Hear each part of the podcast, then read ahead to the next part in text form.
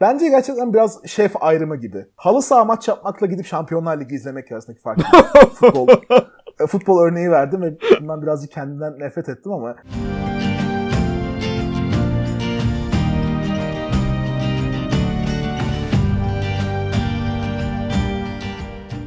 Ben Barış. Ben Zafer. Ejder ve Ejderha Alt Kültür Podcast'ine hoş geldiniz hepiniz. Evet Zafer bugün gündemde ne var? Bugün gündemde ne var? En büyük haberimiz aslında şey bu hafta çıkan Miss Marvel fragmanı var. Ee, yani bilmeyenler için biraz daha Miss Marvel'ı anlatalım mı? Kahraman olarak nasıl diyor, ne yapıyor, ne ediyor? Ya Miss Marvel geçtiğimiz yıllarda aslında Marvel'ın yeni yarattığı ve böyle tutan az sayıda karakterinden biri. Hmm. Özellikle Miles Morales'in popülerliğinden sonra biraz daha tamam işte farklı yeni nesil karakterler yaratabiliriz moduna girmişlerdi. Ve bunları kullanırken de klasik karakterleri alıp işte bu klasik karakterlerin işte mantığını, ismini kullanan yeni karakterler yaratmak üzerinden bir mantık güttüler. Hmm. Miss Marvel'ın yaratılışı aslında şeye gidiyor. DC ile Marvel'ın ikisinin de kullandığı önemli bir, ka- önemli bir kahraman adı var. Bu da Captain Marvel. Aynen. Bir anda DC'de aslında bizim filmi de çıkan Shazam diye bildiğimiz bir karakter var. Aslında Ve- Captain Marvel ilk başta. Aslında o Captain Marvel. Yakın zamanda çizgi romanlarda böyle Captain diyor işte kesiyor oradan biri Shazam diyor falan böyle hani. Dalga geçiyorlar. Evet. Diğer yandan Marvel'ın da kullandığı aslında işte Captain Marvel diye doğrudan hatta yayın eviyle de ismi şey yapan ve hatta Marvel böyle bir arada bir tire var uzaylı olduğu için Hmm. bir karakter var. Burada böyle bir noktada bunların uzun süren bir dava süreci var. Sonra dava bitiyor ve şey kazanan Marvel tarafı oluyor. Hatta bir yandan sevinç verici bir şey çünkü aslında şey hani adamların firmasının adı yani. O ismi onların alması güzel bir şey.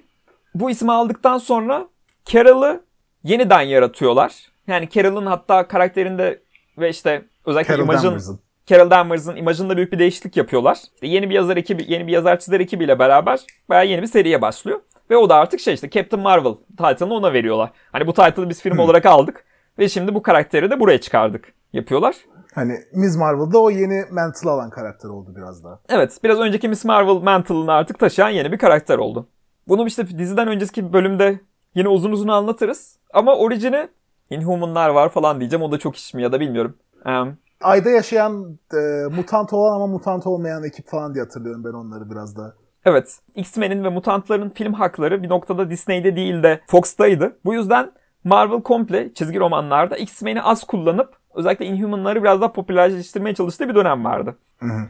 Bu döneminde işte bir şeyler oluyor ve dünyadaki Inhuman sayısı çok büyük sayıda artıyordu. O dönemde Inhuman olan kişilerden biri de aslında şey bizim tanıdığımız şu an Miss Marvel, Kamala Khan. Orijini doğrudan ona dayanıyor. Ama işte sonrasında da biraz daha böyle eğlence bir teenager seri olarak devam etti. Evet evet. En temelde böyle bir karakter. Yani hatta biraz daha şey geçen bölümde de şey muhabbeti yapmıştık ya.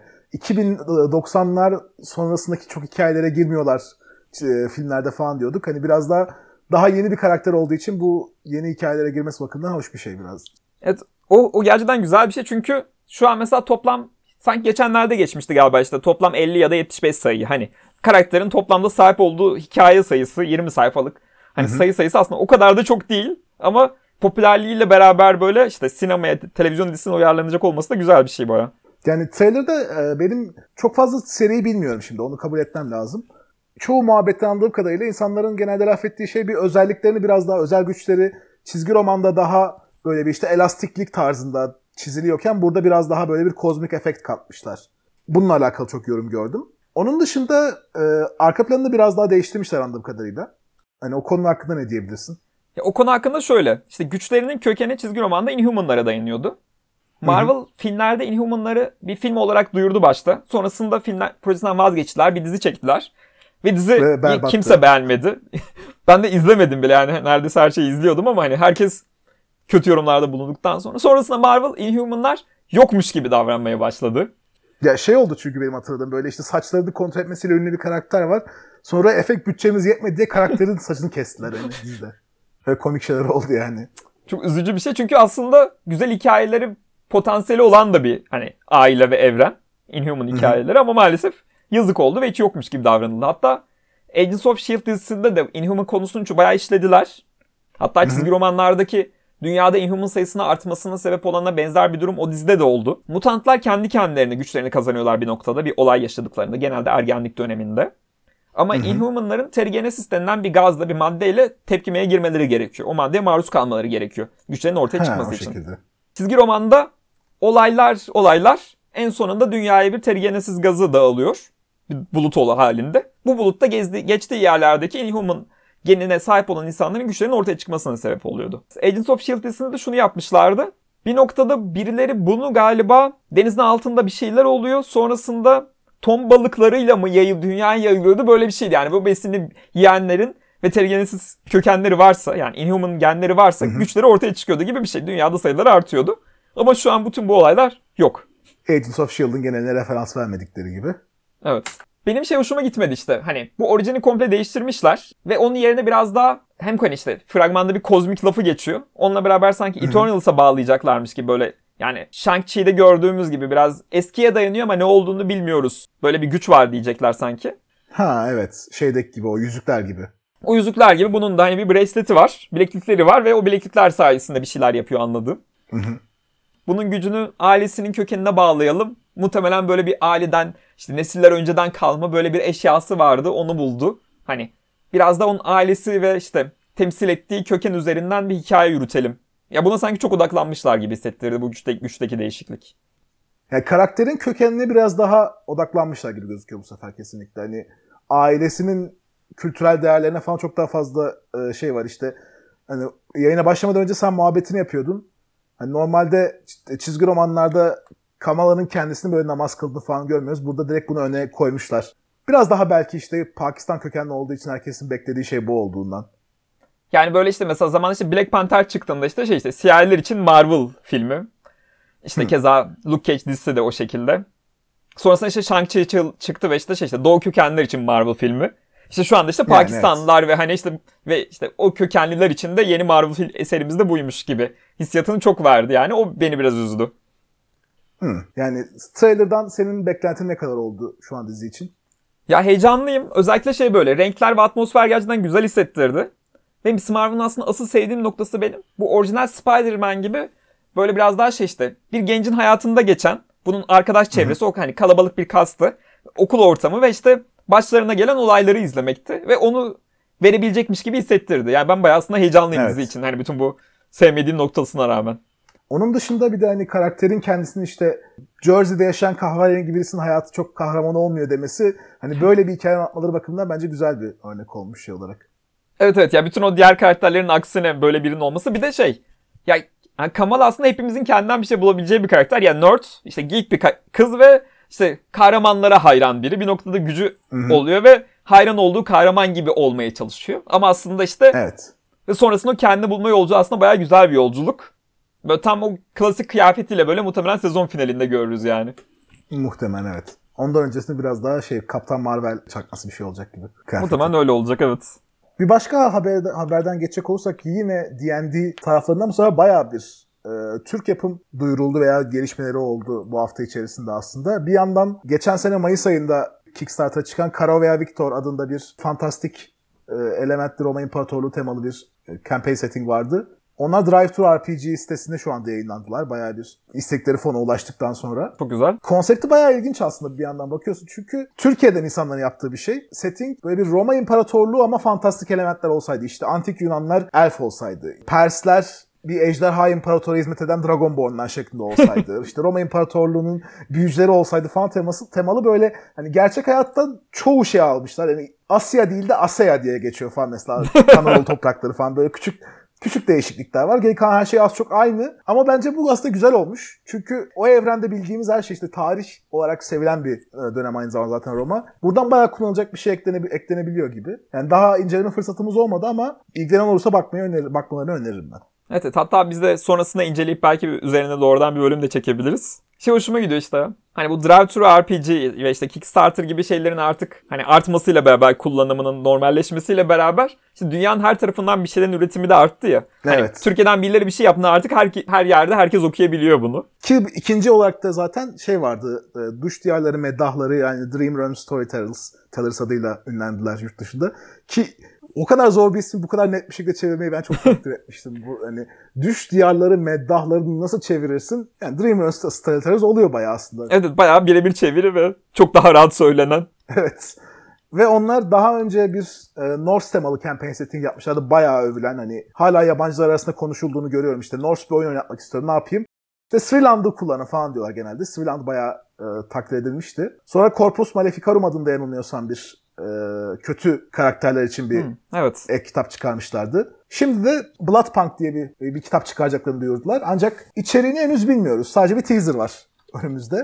Görsel de çok güzel gözüküyordu o teaser'daki ya. Yine D&D 5e sistemini kullanan başlı başına bir campaign setting çıkıyor gibi. Güzel. Bunun da biraz daha detayları açıklandıkça üzerinden geçeriz. Evet. Görsellerde o karnıçvari böyle korkutuculuk güzel yani. Yani bana biraz daha şey gibi hatırlat, şey çağrıştırdı. O 19. yüzyıl gotik korku estetiği. Yani Viktoryen dönem biraz daha böyle modern Londra sokakları ama ortalıkta böyle kan büyüsü bir şeyleri var falan gibi olacak muhtemelen. Zaten şey işte ya sanki steampunk'ın yani işte o dönemi alıp steampunk yapmak yerine o dönemi alıp üzerine kan ekledik.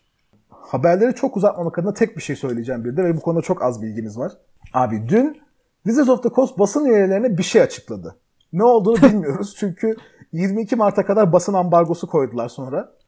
Muhtemelen podcast yayınlanana kadar aslında muhtemelen duyuracaklar. O yüzden biraz anlamsız olacak bundan bahsetmemiz en ama- azından tahminlerimizi söyleriz ve tuttuysa eğleniriz. Evet. Tutmadıysa geçmiş Hani olsun. ben muhtemelen bir post podcast editi yaparım buraya aslında böyle bir şey çıktı falan diye. Yani e, ve aynı zamanda bir teaser de yayınladılar. Böyle kristallerin içerisinde tam okunmayan bir yazı ve böyle değişik ırklar bir şey falan gibi böyle bir pazar ortamı veya bir taverna falan gibi bu duran bir kristaller içerisinde. Hani insanlar şey diyor. Baş farklı farklı boyutlarda geçen bir macera compilation olabilir hani. Ee, Hmm. Daha önce Candle Key kitabında yapmışlardı. Yani kitapta 5-6 macera var istediğini oynuyorsun tarzında.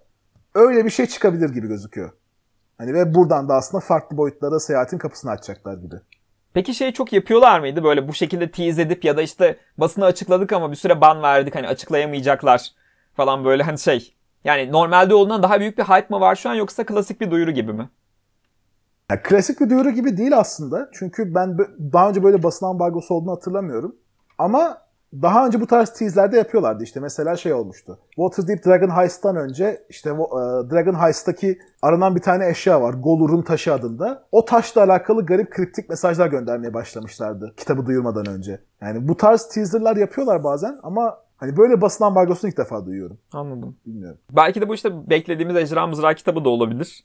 Hani teaser'daki şeylerle alakasını kuramadım Hı. ama bir beklenti olduğu için. Yani yazın çıkacak bir şey duyururlar gibi geliyor bana muhtemelen. Öyle olursa da bilmiyorum. Bakalım.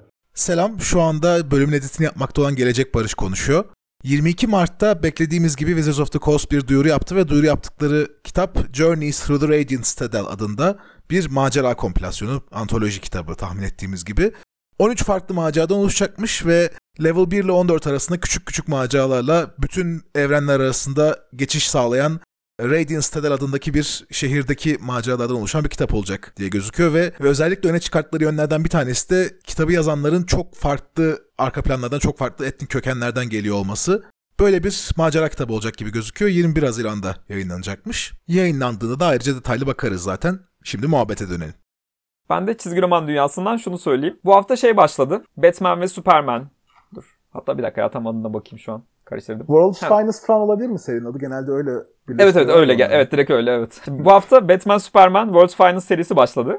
Aslında sık sık hani Batman ve Superman işte ortak serilerini uzun yıllardır görüyoruz. Bunun haber derin olma değeri Mark Waid yazıyor. Hı. Mark Waid işte DC'de yıllarca Flash yazdı. Ve onun dışında işte Kingdom Come gibi böyle çok önemli bir serini de yazmış. İşte Marvel'da da keza Fantastic Four Daredevil gibi serileri yazmış böyle. İşte eski önemli yazarlardan biri. Ama Hı hı.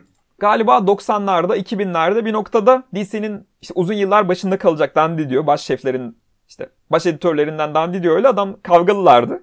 Ve o varsa hani DC'de ben yokum demişti. Ve bu yıllarca böyle gerçekten gitti. Geçtiğimiz sene Dandy diyor kovuldu. Ve işte Jim Lee ile beraber yürütüyorlardı. Artık sadece Jim Lee yürütecek bu işi. Ve işte gerçekten de yani sebebi buymuş adamın hani DC, yıllardır DC yazmama sebebi DC'ye geri döndü. Ve işte bu efsane bir yazardan yeni bir Batman Superman serisi başladı.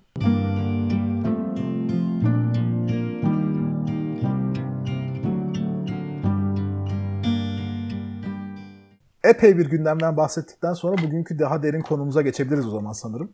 Evet. Abi sana şunu sormak istiyorum. Critical Role ne kadar izledin? Ne kadar bilgin var hakkında? Critical Role'u ben tam bak ideal bir izleyiciyim şu an yani.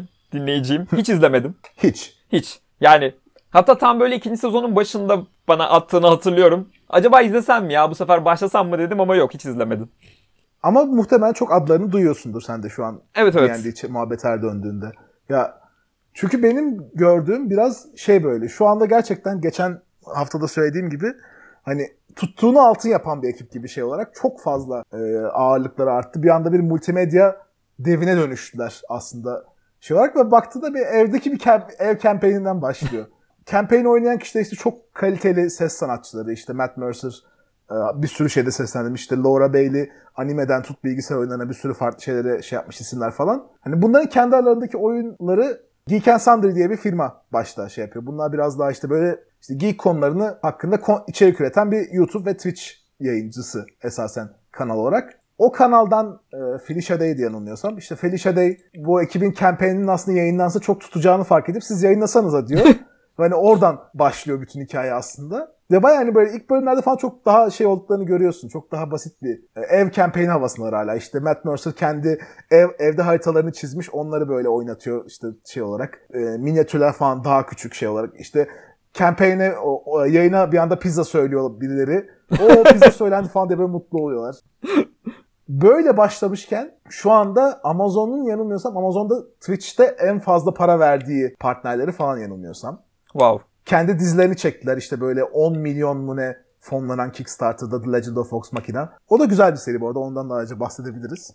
Yani çok büyük bir ekip oldular bir anda. Ve böyle olunca da campaign'i D&D 5'e de oynamayı seçmişlerdi. Hani kuralları daha kolay diye. Aslında evde Pathfinder oynuyorlarmış. Ha, yaşlı adamlar. Eski usul. Gerçi şöyle hatta yanılmıyorsam. Başta D&D 4E'de bir one shot oynuyorlar. Sonra one shot campaign'e dönüşüyor Pathfinder'da. Sonra Steam'e geçince şeye geçiyorlar. 5'e geçiyorlar.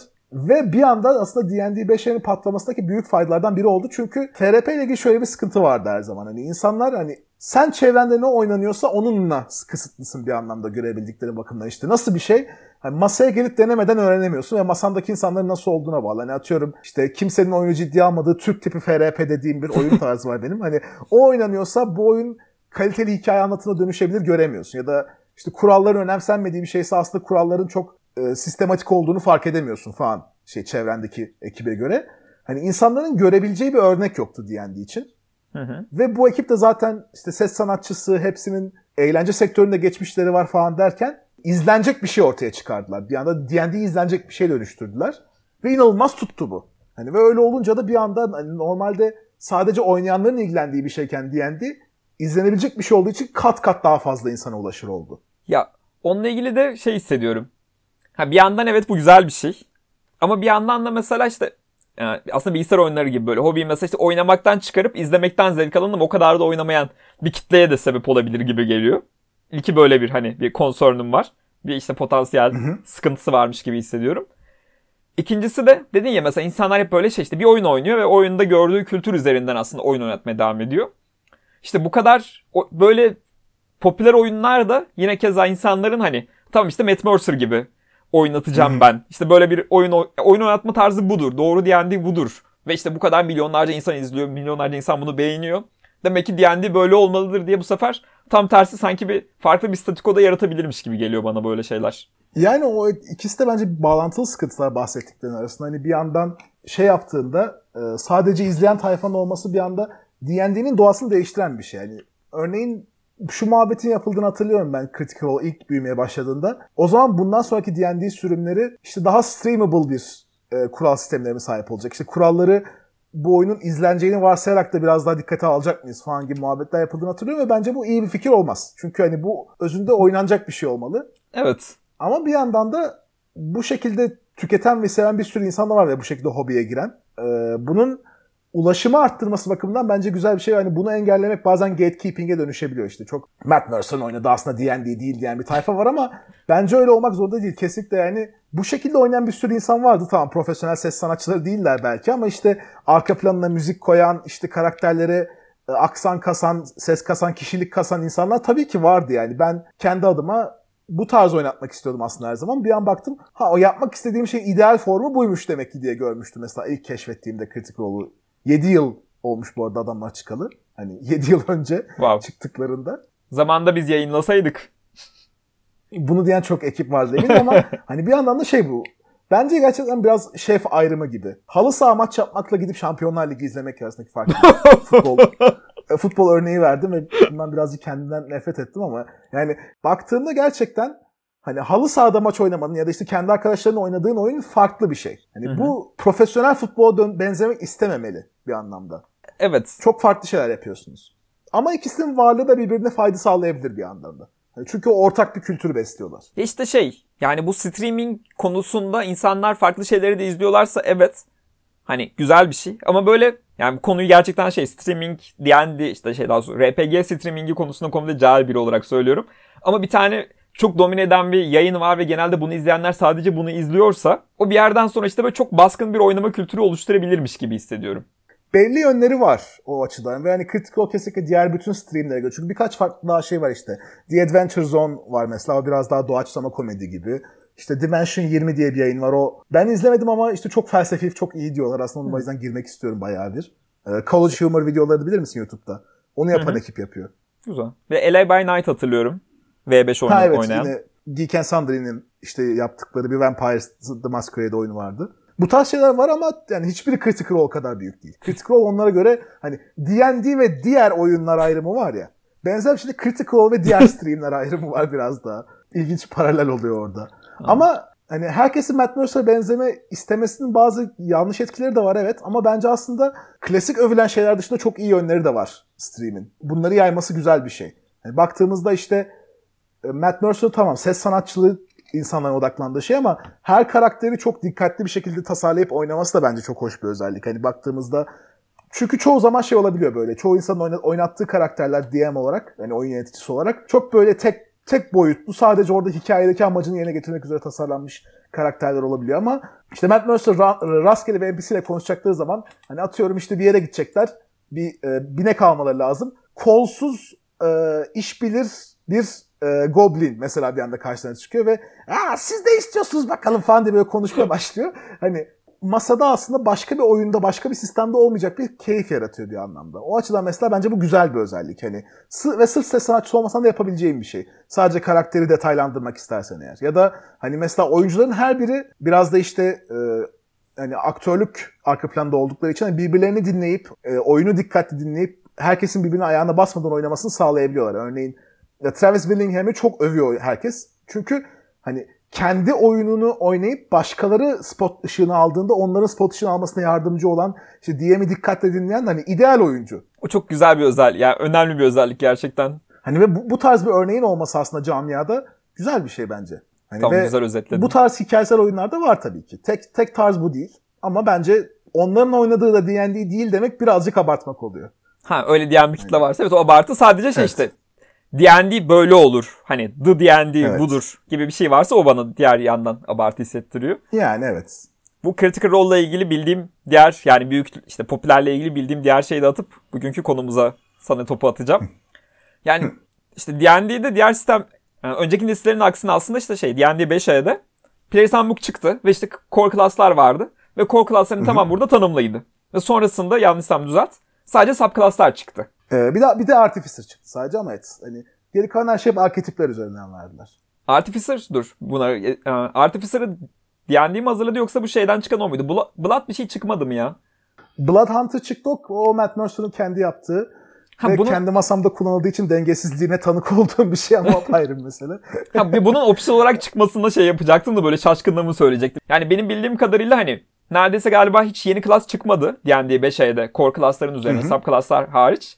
Ve sonrasında Blood Hunter'la beraber böyle gerçekten hani bu oyunun etkisiyle yeni bir class çıkarmış olmaları beni çok şaşırtmıştı. Hani o popülerliğine böyle oha gerçekten popüler ve önemliymiş demek ki D&D dünyasında demiştim. Yani Blood Hunter aslında şey, stream'de kullanıldığı için biraz ünlendi. Ama aslında resmi değil teknik olarak. Sadece e, D&D Beyond'a eklediler Critical içeriği olarak ama şey değil. Hmm, E, resmi sayılmıyor. Yani at- atıyorum Anladım. işte bu sadece resmi materyallerin izin verildiği Adventures League oyunları var Hı ya. hı. Evet. Onlara Blood Hunter'la gitsen alınmıyorsun. Anladım. Ha ben D&D Beyond'da gördüğüm için onun direkt official ve kullanılabilir olduğunu sanmıştım. Tamam. Homebrew esasen sadece çok ünlü bir homebrew ve sıkıntıları var dediğim gibi. hani ama şey e, onun dışında asıl şey çıkarttılar yani Wild Mount çıktı. Yani çünkü hani o anlattığın etkiyi ben daha çok Wild Mount kitabında hissetmiştim. Çünkü tamam e, Critical Role kendi işte evreni olan bir yer ve e, aslında evreninden de bahsetmek istiyorum çünkü çok şey böyle 4E'deki çoğu fikri alıp 5E'ye aktardılar. Yapımcıların kendi çöpe attıkları çoğu şeyi şey Exandria yani Critical Role evreni daha çok kullanıyor. İşte Dawn War diye bir tanrılarla Primordial'lar arasında tanrı e, kavga olması işte e, Dawn War Pantheon denen bir grup var işte. Klasik D&D tanrılarının alınıp hepsinin böyle çok standartlaştırıldığı bir pantheon var. 4E'de standart oydu. Hı hı. Critical Role evreninde de öyle. Hani Ha, direkt onu mesela kullanıyor bu Pantheon, Pantheon olarak. normal çöpe atılmıştı. Hani Raven Queen vardı mesela ölü ta- ölülerin tanrıçası. Ee, 5E'de onu daha çöpe atmışlardı biraz daha böyle Shadowfell'de garip bir tanrı olmaya çalışmış becerememiş elf kraliçesi gibi bir yeni bir hikaye yazmışlardı ona. Ama e, Critical Role dünyasında yine 4E'deki gibi tanrı direkt. Ve bayağı işte Kelt mitolojisindeki The Morrigan örnek alan bir şey olduğu için de bayağı sevilen bir figür oldu. Anladım güzelmiş. Hani o tarz şeyleri var ve hani ve bu şekilde bu evren bir anda şey oldu. Res, hani normalde e, şu anda 5'e çok az 5'e çok az evren çıktı işte. Classic Forgotten Realms var. Onun dışında işte Eberron zar zor 2-3 yıl sonra falan çıktı. Ravenloft'u çıkardı. İşte belki bu yıl Dragonlance falan gelecek. Ama bu evrenler arasında bir anda e, Critical Role dünyası eklendi. Exandria. Yani resmi bir D&D kitabı olarak. Ve şimdi de işte Call of the Netherdeep'le resmi bir macera çıktı bir de üstüne. Bayağı bir şey oldu. Bir anda D&D'nin varsayılan resmi evrenleri arasında Critical Role evreni yerleşti. Hani bu çok büyük bir şey. Hani eskiden D&D'yi böyle bir yön veren işte hani romanlar vardı ya. Yani geçen bölümde de konuşmalar. O romanların popülerliğiyle bir yere doğru gidiyordu belki. Hani o roman yazarlarının Evet. yarattığı evrenler, karakterlerin odak olmasıyla. Şimdi işte bu romanların yerini stream'in alması gerçekten şey böyle hani günümüze ve işte 80'ler 90'lara dair o farka dair böyle güzel bir nokta. Çok doğru söylüyorsun onu şey olarak. Biraz daha kültürün tüketilme şeklinin de değiştiğini gösteriyor baktığımızda. Evet. Ama ve şey evrenin kendisine bakacak olursak aslında çok şey değil böyle. Çok standart fantazi evreninden farklı değil. Özellikle In Campaign'in geçtiği yerler işte. Ortada bir tane büyük krallık var. İşte insanlar çoğunlukta. Elfler işte gizemli yerlerde yaşıyorlar. Orklar düşman. Böyle bir yerdi. Ama e, bence Campaign'in settingini başarılı yaptığı şey, Matt Mercer'ın başarılı yaptığı şey biraz daha şey yapmaktı. Hani açık uçlu bırakmış çoğu yerleri ve diğer kıtalarda daha farklı fikirleri hani gelişebilecek fikirler bırakıp daha fazla onların üstüne gitmemişti başta. İşte ilk çünkü e, ilk Critical Role'un kendi basım evinden çıkarttığı bir macera kitabı vardı. Tal'Dorei Campaign Setting diye. Ve hani orada şey diyorlardı işte diğer kıtalarda var. Hani bu kıtaların genel estetiği böyle. İşte market kıtası var. Orası biraz daha Kuzey, e, Kuzey Afrika e, Arabistan temalı gibi deyip bırakmışlardı. Ya da işte e, başka bir Wildmount kıtası, kıtası var. Burası biraz daha Ortodoks Rus havasında gibi. Ama çok detaya girmiyoruz demişlerdi. Ve daha sonrasında buraları çok daha ilginç settinglere çevirebilme imkanı oldu. Açık bırakıldığı için. Şey işte Dragonlance'de şey diyoruz ya çok küçük bir dünya. Her şey bir anda tek bir macera dayalı ve orada bitiyor. Hı hı. Hani burada tam tersine geliştirilebilecek yerler vardı ve oralar çok düzgün bir şekilde geliştirildi. İşte ikinci campaign'de Wildmount'a gittiler. Hani işte Wildmount'ta klasik iyi ırklar ve kötü ırklar ayrımının tersine çevirdiler. İşte klasik ırkların olduğu Dwendalian İmparatorluğu daha böyle belli tan kaotik tanrıların yasaklandığı otoriter bir yer. Ve kötü ırkların yaşadığı Jorhas tarafı işte böyle aslında daha hayatta kalmaya çalışan e, ezilmiş halklar grubu gibi. İşte Drovlar, Güzelmiş. Lord'dan kaçan Drovlar oraya gidip e, sürekli gece yapıp oraya orada yaşamaya başlamışlar falan gibi mesela. Hani bu tarz şeyler eklemişler. Hani o başarılı bir eklemeydi. Öyle olunca da biraz daha campaign setting'in büyüme imkanı oldu bence. Şu an yeni çıkan kitabımız. Yeni çıkan kitaba gelecek olursak, kitabın kendisi bence ben aslında sevdim. Belli sıkıntılar dışında. O sıkıntılar da hani birazcık artık benim level 3'ten 12'ye giden epik macera formatından birazcık sıkılmamla alakalı. Ee, ama şeyden bahsetmek istiyorum buna girmeden önce. Kitabın yazarları işte kla- klasik e, D&D ana tasarımcılarından Chris Perkins, Matt Mercer ve işte e, o ikisine baya beraber çalışan James G. Hake yazmış. Bunlar hani klasik yazar ekibi. Ama onun dışında inanılmaz bir hani diversity yazar kadrosu var. Mesela işte Mackenzie D. Armas diye bir yazar e, öne çıkan isimler arasında. Bayağı bir hikayeye bir şeyler ekleyen bir yazarlar arasında gözüküyor ve işte Filipin kökenli bir kadınmış ve bayağı bir e, D&D'ye e, Critical Role sezonlarını böyle üniversitede sürekli olarak böyle peşi peşine izleyerek girmiş. Ve şimdi Critical Role kitabı yazarak bayağı bir e, evrene Wow. katkıda bulunuyor. Çok da tatmin edicidir kendi için. Yani diverse bir ekip çıkar, e, çıkarmış. O açıdan takdir ettim ben şey yapmalarını. Ve hani, çünkü bir de kitabın geçtiği yerlerde biraz da işte market kıtasına gidiyorlar. Market işte böyle çölün ortasında vahamsı bir yer olunca klasik Arap stereotiplerine düşmemek için daha farklı kökenlere sahip insanların yazması lazım. Onu kotarmışlar bence. Ya eski dönem kitaplarında o durum oluyor ya böyle hani bir işte belli bir suretip yani klasik bir şey yapacaklar ama bunu böyle hani dibine kadar suretip uygulayarak böyle derinlik kullanmadan. Vod'un bir kitabında da şey vardı böyle neresi unuttum ama işte Berlin by Night gibi bir şey. Hani gerçekte işte metro olmayan bir şehirde metro falan çizilmiş edilmiş böyle hiç alakasız bir şeylerden bahsedilmiş. Hani o işte 90'lara kadarki şey böyle FRP camiasının 20'lerinde Amerikalı beyaz gençler tarafından bilmedikleri konuları yazmalarına dön dönmesinin birazcık sıkıntıları sanırım o. İşte o birazcık azalıyor artık. O evet ya sevindirici gerçekten. Onun dışında şey benim hani bu büyük maceradan sıkılmamın sebebi şey biraz da bence oyunların oynandığı şekilde çok uyuşmuyor. Hı hı. Ama ne zaman şey olsa böyle bir işte modül oynatacağız campaign'ine girsem şey oluyor hani bu hikayenin ilk başlangıç noktasında tease edilen işte bu daha büyük peşinde koşacağın olayı ancak 2-3 yıl sonra görebiliyorsun. Hani böyle bayağı bir oyun görmem gerekiyor. O zamana kadar çok böyle ara maceralarla dolu oluyor. Çünkü hani atıyorum başka bir modül vardı Out of the Abyss diye. Hani e, karanlık altına bir anda iblislerin hatırlıyorum gelmesiyle onu. ilgili. Level 1 başlıyorsun buna ve bütün iblislerle sen level 11-12 olana kadar kapışamıyorsun. Hani çok uzun bir yol. Öyle olunca biraz bu kadar bu, bu campaignler gerçekten yazıldığı gibi oynatılabilir mi emin olamıyorum bazen. Burada da mesela şey yapmışlar. Campaign'in başlangıç noktasında işte Jo- Jor Hasta başlıyor. Ee, canavarımsı ırklar şeyinde başlamış yani aslında. Bence güzel olmuş o. Hani bak yine stereotipleri kıran bir ekip olma şansım var atıyorum. Hani ama normal klasik ekiple, ekiple olabilirsin. Kimse bir şey diyeceğini zannetmiyorum orada şey olarak. Ha biraz da istediğini olabilirsine imkan tanımışlar gibi. Evet evet yani orada orada birisi ben Bugbear oynamak istiyorum diyorsa Bugbear oynayabilir. Çünkü Bugbear'lar orada yaşıyor zaten. Hı hı. Ee, ve şeyle başlıyor oradaki macera işte. Yaşadığınız kasabada bir e, büyük yarış var. İki farklı rival ekip, iki ekip olarak gidiyorsunuz. Rival ekip muhabbeti de oradan giriyor zaten. Su altında bir yere girip oradan bir şey almanız gerekiyor. Ancak al, beklediğiniz şeyi almak yerine böyle bir tane bir bir cevher buluyorsun ve cevheri alan ekip bir anda bir görü görüyor. Garip birisi, bir garip bir varlık işte bize bana yardım edin, beni buradan kurtarın falan tarzında bir şey diyor ve onun peşine gitmiş gitmeniz gerekiyor ve oradan da işte böyle ilk başta markete gitmek gerekiyor işte şey market kıtasındaki Ankara şehrine gitmek gerekiyor. Daha sonrasında e, Nether Deep adında böyle su altında garip bir dünyaya girmek gerekiyor. Hani bu tarz böyle bir macera yapmışlar. Ama senin bu ta ilk bölümde gördüğün işte beni kurtarın mesajının sonucunu almak için campaign'in ta en sonuna kadar beklemen lazım. Peki Yani- arada mesela o mystery'e dair bir şeyler çözülüyor, bir adım adım ilerleme Tabii tabii. Ha. Yani hikaye uzunca bir süre devam ediyor canım hani ve şey hikaye tasa hani tasarlanan hikaye bence cidden fena değil. İşledik, işledikleri temalar falan örneğin hani işte bir kahraman olmak nedir? İşte kahramanlığın sırasındaki fedakarlıklarından,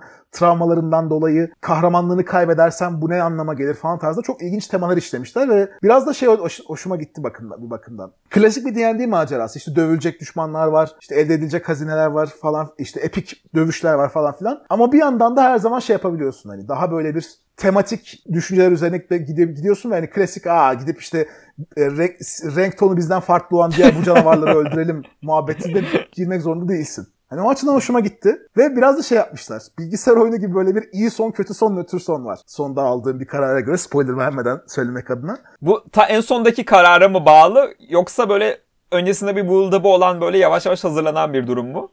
Sonların türü tamamen sonda verdiğin karara bağlı. Hmm. Biraz bilgisayar oyunlarındaki şey gibi gerçekten. Yani o 90, özellikle işte 2000'ler bilgisayar oyunlarında vardır ya işte. Be- Okey. Belli bir karma biriktirirsin, belli bir şey yaparsın, belli bir son olur. Hı hı. Muhabbeti Ha, gibi. Evet. Ama onun dışında şey de var yani işte şehirde mesela Ankara'ya gittiğinizde Ankara şehrindeki farklı factionlara yardım etme bakımından biraz şey olabiliyor. Şehirdeki tarafını da belirleyebiliyorsun. Bu tarz bir taraf seçme olayı falan da var. İlginç yönleri var. Ee, ve hani o açıdan hoşuma gitti ama dediğim gibi biraz hani bu kadar uzun olması hoşuma gitmedi bir tek. Ya bana bu işte D&D 5 ile çıkan hani yeni tur işte bu büyük epic adventure'lar şey hissiyatı veriyor. Artık campaign setting çıkarmıyorlar ya. Bir işte Forgotten Realms campaign setting biliyor aslında. Sword Coast işte Adventures Guide var ama hani doğrudan böyle bütün Forgotten Evet. Realms'ten bahseden, bütün Faerun'dan bahseden bir kitap bile yok elimizde aslında. Biraz daha bunların Hı hı. tamam biz işte bir hani size bir epic adventure dizisi verdik ama hani bunu alıp campaign setting olarak da kullanabilirsiniz hissiyatı veriyor bana böyle kitaplar. Onu sağlıyor mu güzel bir şekilde? Özellikle şeyden de dolayı biraz da dediğim gibi hani Sword Coast Adventures Guide'ın patlamasının da etkisi vardı. Çünkü kötü bir kitaptı ve hiç satmadı. Hani öyle olunca da demek ki bundan böyle bu kadar campaign setting çıkarmayalım dediler bence e, bu edisyonun hayatının başında. Ve ona göre işte bir Eberron o şekilde çıktı. Ravenloft bile biraz daha şey işte böyle. Her şeyi kısa kısa anlatıyoruz. Çoğunluğunu yapmak DM'e kalmış tadında. Çok hani o yüzden daha farklı bir eski yani böyle bir işte 300 sayfalık dev işte Faerun Campaign Setting tarzında Hı hı. kitaplar çok çıkmıyor artık. Ve, ve mesela Curse of Strahd da çok bu şekilde. Yani Ravenloft için ilk çıkan şey oydu aslında ve yani bir anlamda Strahd'ın domaini nasıl bir yer böyle bir yer. Hani burada bütün campaign'i oynatmak zorunda da değilsiniz ama hani Ravenloft Campaign Setting gibi kullanabilirsiniz gibi de yarıyordu bir anlamda. Mesela bu kitap işte şey Critical Role'un dünyasında mesela başka bir oyun oynatmak istiyorum ben. İşte o dünyaya dair biraz daha fikir edineceğim bir temel bir kitabım olsun. Ama buradaki Adventure'da kullanmak istemiyorum. Hani biraz daha campaign setting gibi kullanmak için hani bunu uyan bir kitap mı onu merak ettim. Yani bana onu sağlar mı? Yine maceranın odak, odakta olduğu bir şey. Çünkü hani macera odakta çünkü şey yapmışlar. Çok o konuyla ilgili ve evrenin çok kendi kökenlerine, kökenlerine de giriyor. Biraz daha açıdan şey farkı da var hani. Dediğinin biraz tersine olacak ama bu macerayı alıp başka bir evrende oynatayım da diyemiyorsun tam olarak. Çünkü çok fazla Critical dünyasıyla alakalı detay bilgilere dayanıyor çoğu şey. İşte mesela Critical dünyasında bir tane normal ay var, bir tane kırmızı ay var. Kırmızı ay düzensiz olarak beliriyor. Bu kırmızı ayla alakalı işler bu, bu macerada öne çıkıyor. Anladım. Kendi evrenindeki ay düzeni buna göre değilse şey değil. Normalde mesela Critical Role'un işte kendi streaminginde izlediğin ve böyle bazı işte açık olmayan şeyler burada açıklanıyor gibi bir durum var mı? İnsanlar o konuda böyle bir ekstra bilgi veriyor. Stream'le çok bağlantısı yok. Ee, Hatta şey bir tane stream'i benden çok daha düzenli takip eden bir arkadaşım var onunla konuşuyordum. Eğer dinliyorsan Zeynep selam. Ve hani kendisinden bahsettiklerinden anladığım kadarıyla daha çok küçük teaserlar koymuşlar. Yani işte campaign'de adı geçen bir NPC burada başka bir şekilde karşına çıkıyor. Başka karakterlerden bir tanesinin başka birisiyle bağlantılı olma ihtimali var falan ama hani direkt ana hikayelere bağlanmıyor campaign'deki işte. Yani şey yapmıyorsun. Anladım. Vox Machina diye bir kahramanlar varmış. Gidip onlardan görev alacağız muhabbeti olmuyor. Sırtına ona dayamaması güzelmiş ya. işlediği temalar vesaire bakımından biraz şey gibi gerçekten.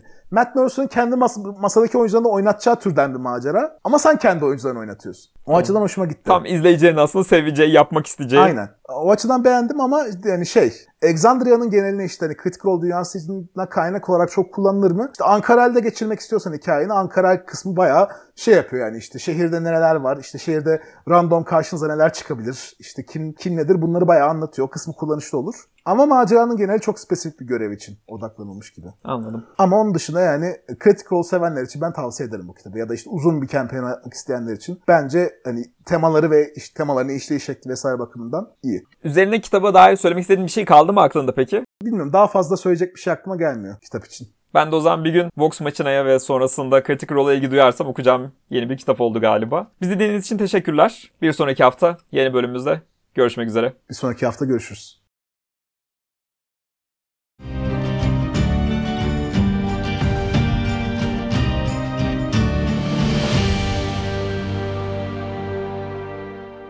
Bu haftanın Ejder ve Ejderha Alt Kültür Podcast bölümünü dinlediğin için teşekkürler. Podcast bölümlerimizi bir aksilik çıkmadığı sürece haftada bir yayınlıyoruz. Bölümler arasında bizi özlersen Twitter'da ve Instagram'da et Ejder ve Ejderha'ya hepsi birleşik yazabilirsin. Eğer bölümü beğendiysen favori podcast dinleme platformunda iyi bir not ve inceleme bırakmayı unutma. Bu bölümde konuştuğumuz konular hakkında detaylı bilgileri podcast notları bölümünde bulabilirsin. Haftaya görüşmek üzere.